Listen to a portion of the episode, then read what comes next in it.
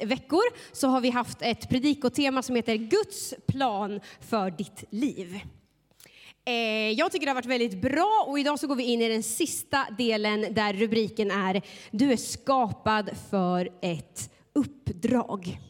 Du är skapad för ett uppdrag. Under de här veckorna så har vi ju talat om att du är skapad av Gud. Du är skapad för att tillhöra Guds familj. Gud har lagt gåvor och talanger i ditt liv som du kan få använda för att ära honom. Vi är skapade för att tillbe och sådär. Har du missat någon vecka så finns ju alla eh, online att titta på i efterhand. Men idag kommer vi prata om att du är skapad för ett uppdrag. Det finns ett högre syfte med ditt liv. Du kan få vara del av någonting som är större än dig själv. Där du kan få leva ett liv som pekar på Jesus. Där du kan ha en riktning som gör att andra kan hitta samma riktning i sitt liv. Det är det vi ska tala om idag. Ehm, det finns en film som heter Gladiator. Är det någon som har sett den? Det är typ en av världens bästa filmer faktiskt. Den är lite blodig och våldsam, men den är ändå bra tycker jag. Ehm, I den filmen så finns det ett citat som heter, det lyder så här, What we do in life echoes in eternity. Alltså vad vi gör här i livet kan eka ända in i evigheten. Och jag tror att det är exakt det det här handlar om. Att leva ett liv med ett uppdrag. Det handlar om att vi kan leva liv här och nu som inte bara handlar om här och nu, utan vad vi gör här kan påverka ända in i evigheten. Och jag önskar att du idag, efter den här, när jag har pratat färdigt, skulle känna liksom en förväntan, att du skulle känna dig uppmuntrad, att du inte skulle känna så här, åh vad jobbigt det blev, hon sa att jag måste massa saker. Det är inte det jag vill säga idag, för jag tror inte att det är det Gud säger. Utan att du kan få vara med. Jag skulle önska att du efter idag skulle sträcka på dig och känna yes, Gud har kallat mig. Gud vill använda mig. Han har designat mig och han har sagt att jag kan få vara med. Det är vad jag önskar med den här förmiddagen. Och nu ber vi en bön också. Herre, vi tackar dig för ditt levande ord. Jag tackar dig för var och en som är här och de som följer oss via sändningen, Herre Jesus. Tack att du har skapat oss. Tack att du älskar oss. Tack att du har skapat oss med ett, med ett syfte, med en mening. Tack att ingen av oss är en slump. Tack att vi kan få lägga våra liv i dina händer, Herre Jesus. Så Gud, nu ber jag att ditt ord skulle tala till våra liv. Ehm, jag ber att ditt ord skulle få komma till liv i våra liv och att det skulle få leda till någon typ av effekt. Att vi liksom, ja men Gud, gör ditt verk i oss idag, Herre. Och jag ber att du ska få göra allt som du har planerat den här förmiddagen. Låt inte vara mina ord, utan jag ber att det ska få vara dina ord. I Jesu namn. Amen. Vi ska läsa några välkända bibelverser idag som kommer från Matteus 28 och vi brukar kalla det här för missionsbefallningen. Och jag tror, jag är nästan övertygad om att väldigt många har läst de här bibelverserna. Förmodligen har många hört hur de här, liksom, man har hört predikningar utifrån de här bibelorden och man har också känt ganska många gånger kramp. Och vad jobbigt det blev nu och vad svårt det känns. Och, ja, men istället för att känna en förväntan som man känt att det bara blir jobbigt och tungt, så har jag också känt när jag har läst de här bibelverserna och ibland när jag har hört hur det har predikats om de här verserna. Eh, men håll ut en liten stund så tror jag att eh, du ska få känna och tänka någonting annat idag. I Matteus 28, vers 18-20 så läser vi så här. Då trädde Jesus fram och talade till dem och sa, åt mig har getts all makt i himlen och på jorden. Gå därför ut och gör alla folk till lärjungar. Döp dem i Faderns och Sonens och den helige Andes namn och lär dem att hålla allt som jag har befallt er. Och se, jag är med er alla dagar till tidens slut. Det här sa Jesus till sina tolv lärjungar och förmodligen så var det några fler med där på berget när Jesus sa det här. Och vi tror ju att det här var inte någonting som Jesus bara sa till dem där och då, utan vi tror att det här gäller alla som idag bekänner sig till Jesus. Som idag säger, jag tror på honom, jag vill leva mitt liv för honom. Då gäller det här uppdraget också dig och mig. Och vi kan få vara med i Guds plan för att nå den här världen med evangelium. Och precis som jag har sagt så tror jag att det här är en fantastisk förmån. Inte något lagiskt, inte ett krav som Gud lägger på dig, utan effekten av när vi får ta emot Jesus i våra liv, när vi säger Jesus, jag vill leva för dig, jag älskar dig för att du först har älskat mig, så tror jag att det här är någonting som kan få ske helt naturligt, så att jag knappt behöver tänka på det. Att jag får leva ett liv som pekar på Jesus, och så gör vi det på olika sätt. Men jag tänkte att vi ska dela upp eh, de här verserna i fem punkter. Det är fem korta punkter, så ni behöver inte känna, oj hjälp, nu blir det en lång predikan. Först och främst, det Jesus säger, det är, åt mig har getts all makt i himlen och på jorden.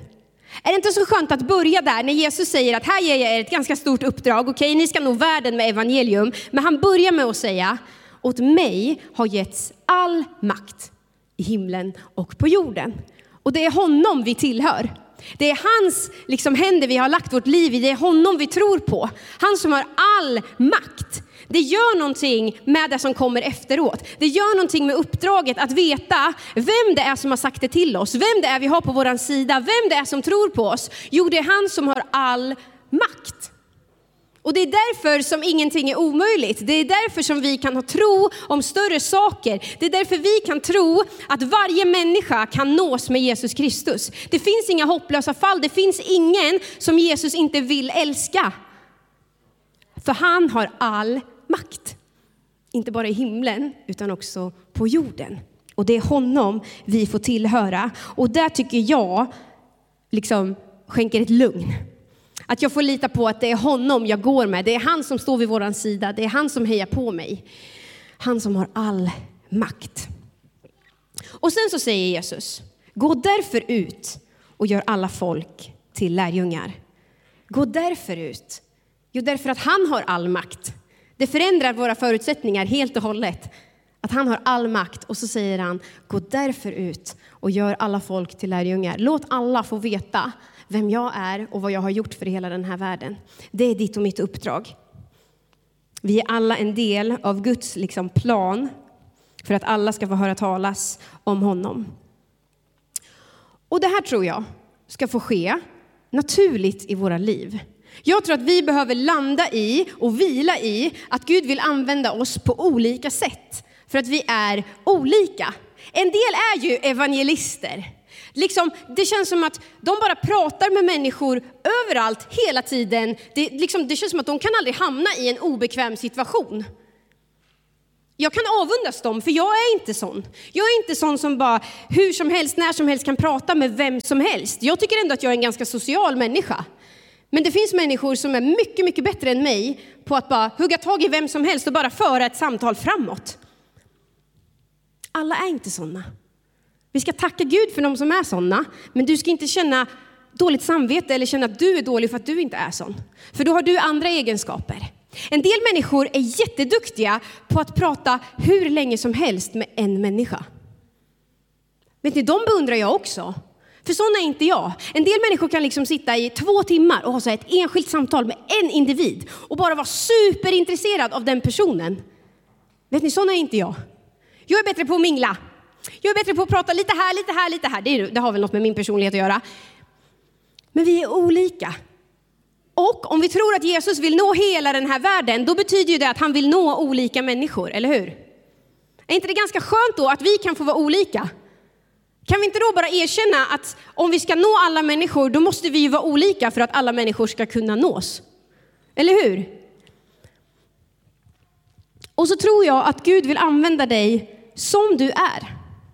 Han vill använda din personlighet, han har lagt gåvor i ditt liv. Han vill liksom använda dig som han har designat dig, för han har tänkt någonting med dig. Inte det du ska bli någon annan än den du är, utan det du bara kan vila i att okej, okay, det här är vad Gud har skapat mig till. Och som jag är vill han använda mig. Och se inte ner på det som är faktiskt goda egenskaper i ditt liv, bara för att de inte är precis som alla andras. Utan se att Gud vill använda dig som du är och tillsammans med andra så, blir vi liksom, så kompletterar vi varandra. Det är fantastiskt att det finns de som är jätteduktiga på att liksom fånga in nya människor och bara vart de än går så pratar de om kyrkan och bjuder in människor. Men sen så finns det ju ett nästa steg där någon annan kan få ta vid och ha ett sånt där långt, djupt samtal med någon till exempel. Vi är olika och vi får vara olika.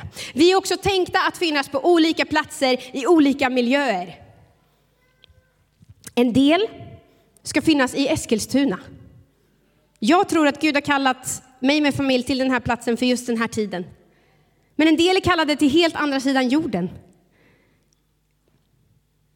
Och en del är kallade till att vara, vad vet jag, idrottsmän och kvinnor. En del är kallade till att vara entreprenörer, en del ska jobba på bank, en del ska... Alltså, vi har så många olika platser att finnas och vara på, för att överallt finns det människor som inte känner Jesus. Ibland så tänker vi att det är de som är kallade till pastorer eller missionärer, det är de som har fått uppdraget av Gud. Det är de som ska få vara med. Men vem ska kunna berätta för liksom din arbetskamrat om Jesus? Jo, jag kan göra det om jag får chansen att träffa den någon gång, men du träffar ju förmodligen den fem dagar i veckan typ. Tänk vilken ingång du kan ha i den personens liv. I första Petrusbrevet 3 och 15 så står det så här. Herren Kristus ska ni hålla helig i era hjärtan. Var ständigt beredda att svara var och en som ber er förklara det hopp ni har. Bibeln säger att du och jag ska ständigt vara beredda att svara var och en som ber oss förklara om det hopp vi har. Och kring det här kan man ju också känna så här, ah, nej, nu blev det så där jobbigt igen Malin, som du sa att det inte skulle bli.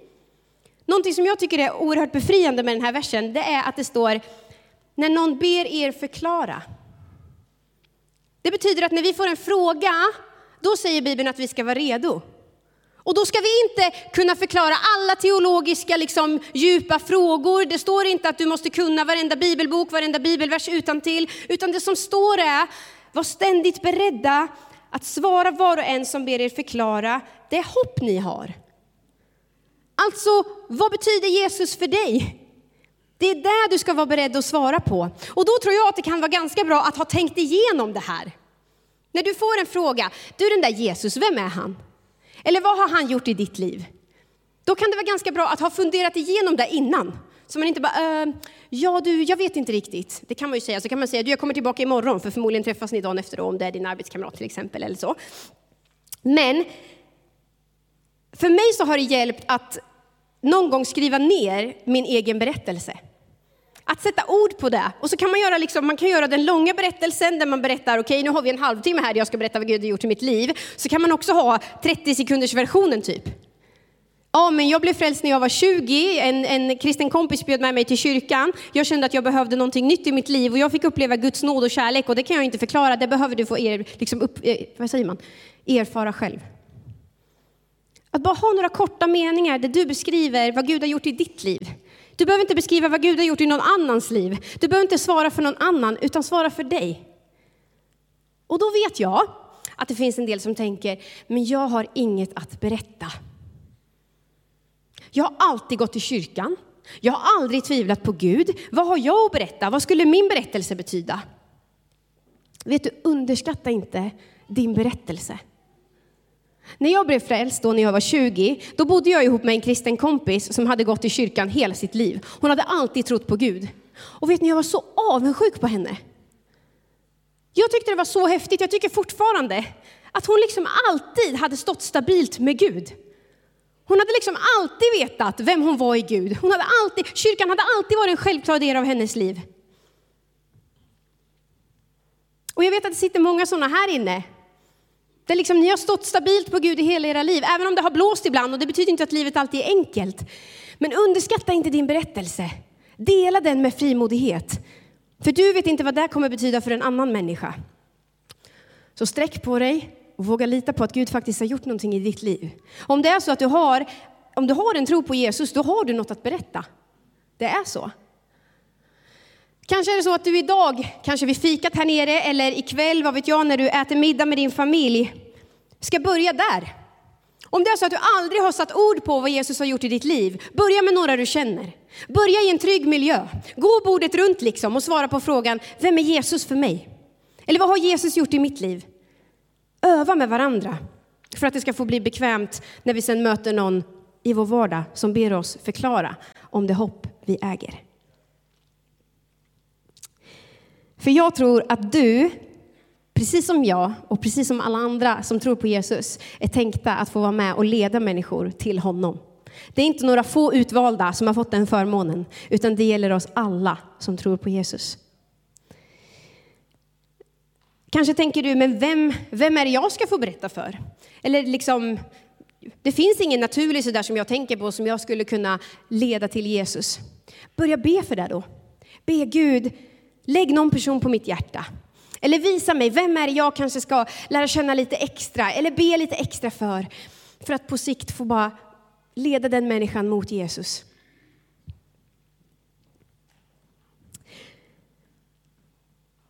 be att du ska få möjligheten att någon gång berätta vad Jesus har gjort i ditt liv. Och jag tror att om vi ber det med ett uppriktigt hjärta, Gud låt mig få berätta för någon om vem du är. Vet du, då kommer han ge dig den möjligheten. Jag är helt övertygad om det, för han vill det. Då kommer han öppna en dörr någonstans, öppna ett fönster någonstans. Han kommer ge dig en möjlighet. Och då kan det ibland vara så att vi behöver lite mod. Och då är det bra om vi har övat på vad vi ska säga innan. Och där du ska använda dina ord, där du ska vara dig själv och berätta vad Gud har gjort i ditt liv. Sen kan vi absolut ta hjälp av saker som vi gör tillsammans. För någon månad sedan, två månader sedan eller vad det nu var, tiden går så fort, så hade vi ju den här jättesatsningen på Stiga Arena. Visst var det kul? Ja, det var fantastiskt roligt. Där vi tillsammans säger att okej, okay, nu vill vi göra någonting stort för att berätta för Eskilstuna att det finns hopp. Jag tror att de sakerna är jätteviktiga också. Men vi orkar ju inte göra Stiga Arena varje, varje vecka, eller hur? Ja, det var någon som orkar. Halleluja. Jag tror att vi ska göra saker tillsammans. Jag tror att det är jätteviktigt, för det är ett hjälpmedel för oss att hjälpa varandra att berätta om Jesus, där vi samlar kraft tillsammans. Men det är ingen av oss som gör stiga varje dag. Men vi har alla platser där vi finns varje dag, där vi helt naturligt kan få leva ut liv som visar på vem Jesus är. Och jag tycker ett av de bästa sätten att liksom bara bjuda med folk till kyrkan. Säg så här, hej kom och se. Följ med mig någon gång. Vi kan gå tillsammans nu på söndag eller är du, är du ungdom, kom på live en fredag, unga vuxna, gå en torsdagkväll, bjud med någon. Det finns massa saker man kan bjuda med människor på om du själv tycker att det är jobbigt. Vad ska jag säga? Hur ska jag göra? Bjud med någon och så får vi hjälpa varandra att tillsammans peka på Jesus. Okej, okay, så Jesus sa, jag, eh, jag har fått all makt. Han sa, gå därför ut och gör dem till lärjungar. Och sen säger han, döp dem. Döp dem i Faderns, Sonen och den helige Andes namn. Vet ni, jag tror att alla kan få vara med och döpa människor. Jag tror inte att det är några få utvalda präster och pastorer som är de enda som ska få gå ner i, i vattnet tillsammans med människor. Jag tycker att det är något oerhört vackert när människor som när man har fått leda någon till tro, en vän, en granne, en kollega eller någonting och också kan få gå hela vägen ner i dopet med den. Jag tror att det är där Jesus har sagt, att det kan vi alla få göra. I Bibeln så, så är liksom, eh, vad ska man säga, från att människor tog emot Jesus till att de blev döpta, det går ofta väldigt, väldigt fort i Bibeln. Och det jag tror Jesus säger med det här, det är att alla ska få vara med vid det där ögonblicket när en människa tar emot Jesus. Jag vet inte om du någon gång har bett en frälsningsbön med någon. Om du någon gång har fått vara med när en människa säger liksom, vet du, nu är jag redo. Det här, nu vill jag lägga mitt liv i Jesu händer. Om du inte har fått vara med om det, så skulle jag önska att du får vara med om det. För jag tror att Gud vill att du ska få vara med om det. Du ska få vara med och be frälsningsbön med de som Gud har satt i din närhet, i din omgivning. För det är en förmån Gud har gett dig. Att få vara med vid det där underbara ögonblicket när en människa öppnar sitt liv för Jesus. Det ska du få vara med om och också få vara med och döpa människor. Det är en förmån som gäller oss alla. Och sen så säger han, lär dem att hålla allt det som jag har lärt er. Det vore ju jätteskönt om det var så att när man blev kristen, tog emot Jesus, så var det som att bara så här ladda ner något slags program eller något, få så en ny uppdatering och så bara fattar man allt, man visste allt och så är allt klart. Det hade ju varit jättepraktiskt, eller hur? Men det är ju inte så. Det vet vi ju. Jag, jag, berätt, jag predikade om det här för några veckor sedan, eh, hur det är att man är ju verkligen ett barn i tron när man tar emot Jesus.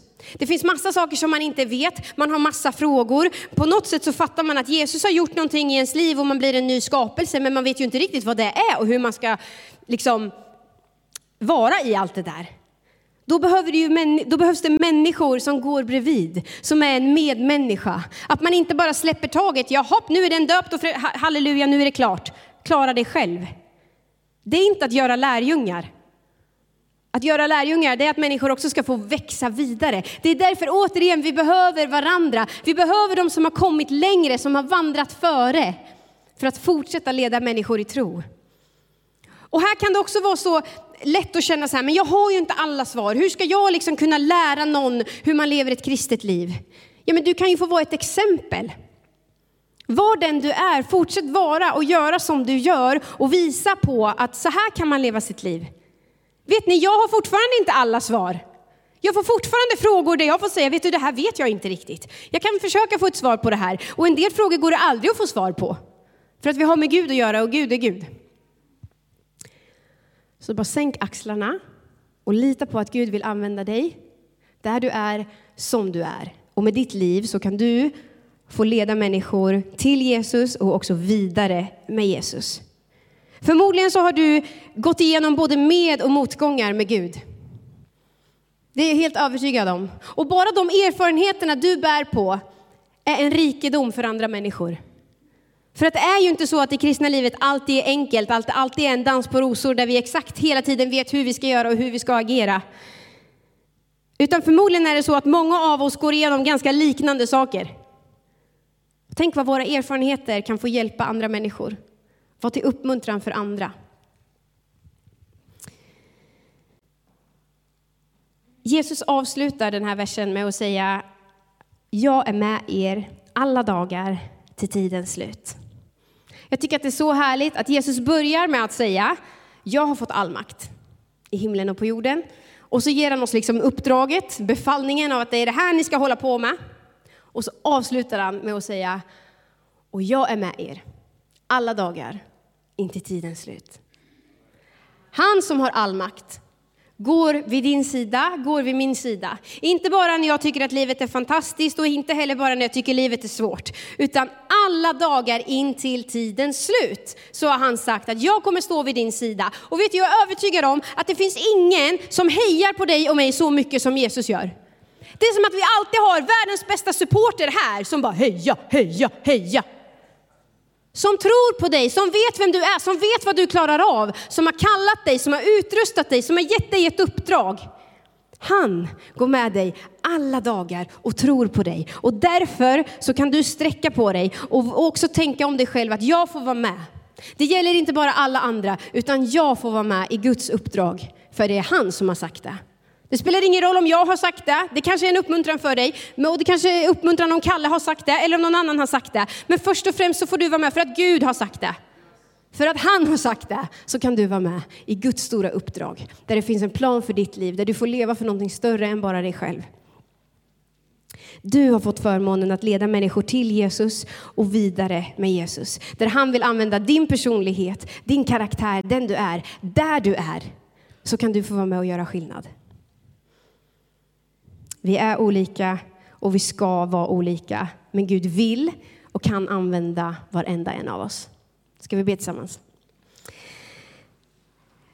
Tack Jesus för att det är du som har kallat oss. Tack för att det är du som har gett oss den här befallningen, den här uppmaningen. Du som har all makt i himlen och på jorden. Vi tackar dig för att du ger oss exakt vad vi behöver där vi är. Herre, jag tackar dig för alla människor som är här inne just nu. Tack för olika personligheter, tack för olika gåvor, tack för att du har designat oss så olika, Herre Jesus. Jag tackar dig för alla platser som vi liksom finns på i vår vardag, Herre Jesus. Tack för alla människor som vi har i vår omgivning, Herre Jesus. Och Gud, jag ber att vi skulle få leva liv som pekar på dig, som leder andra människor mot dig, Herre Jesus. Och Gud, jag ber att det här skulle få vara någonting som får ske helt naturligt i våra liv, Jesus. Att det inte skulle få vara kramp, att det inte skulle få vara dåligt samvete, utan att vi bara skulle veta att Jesus använder mig där jag går fram, Herre. Tack att det är du som står vid vår sida. Tack att du aldrig kommer lämna oss eller överge oss. Och det kan vi få lita på och vara säkra på. I Jesu namn. Amen.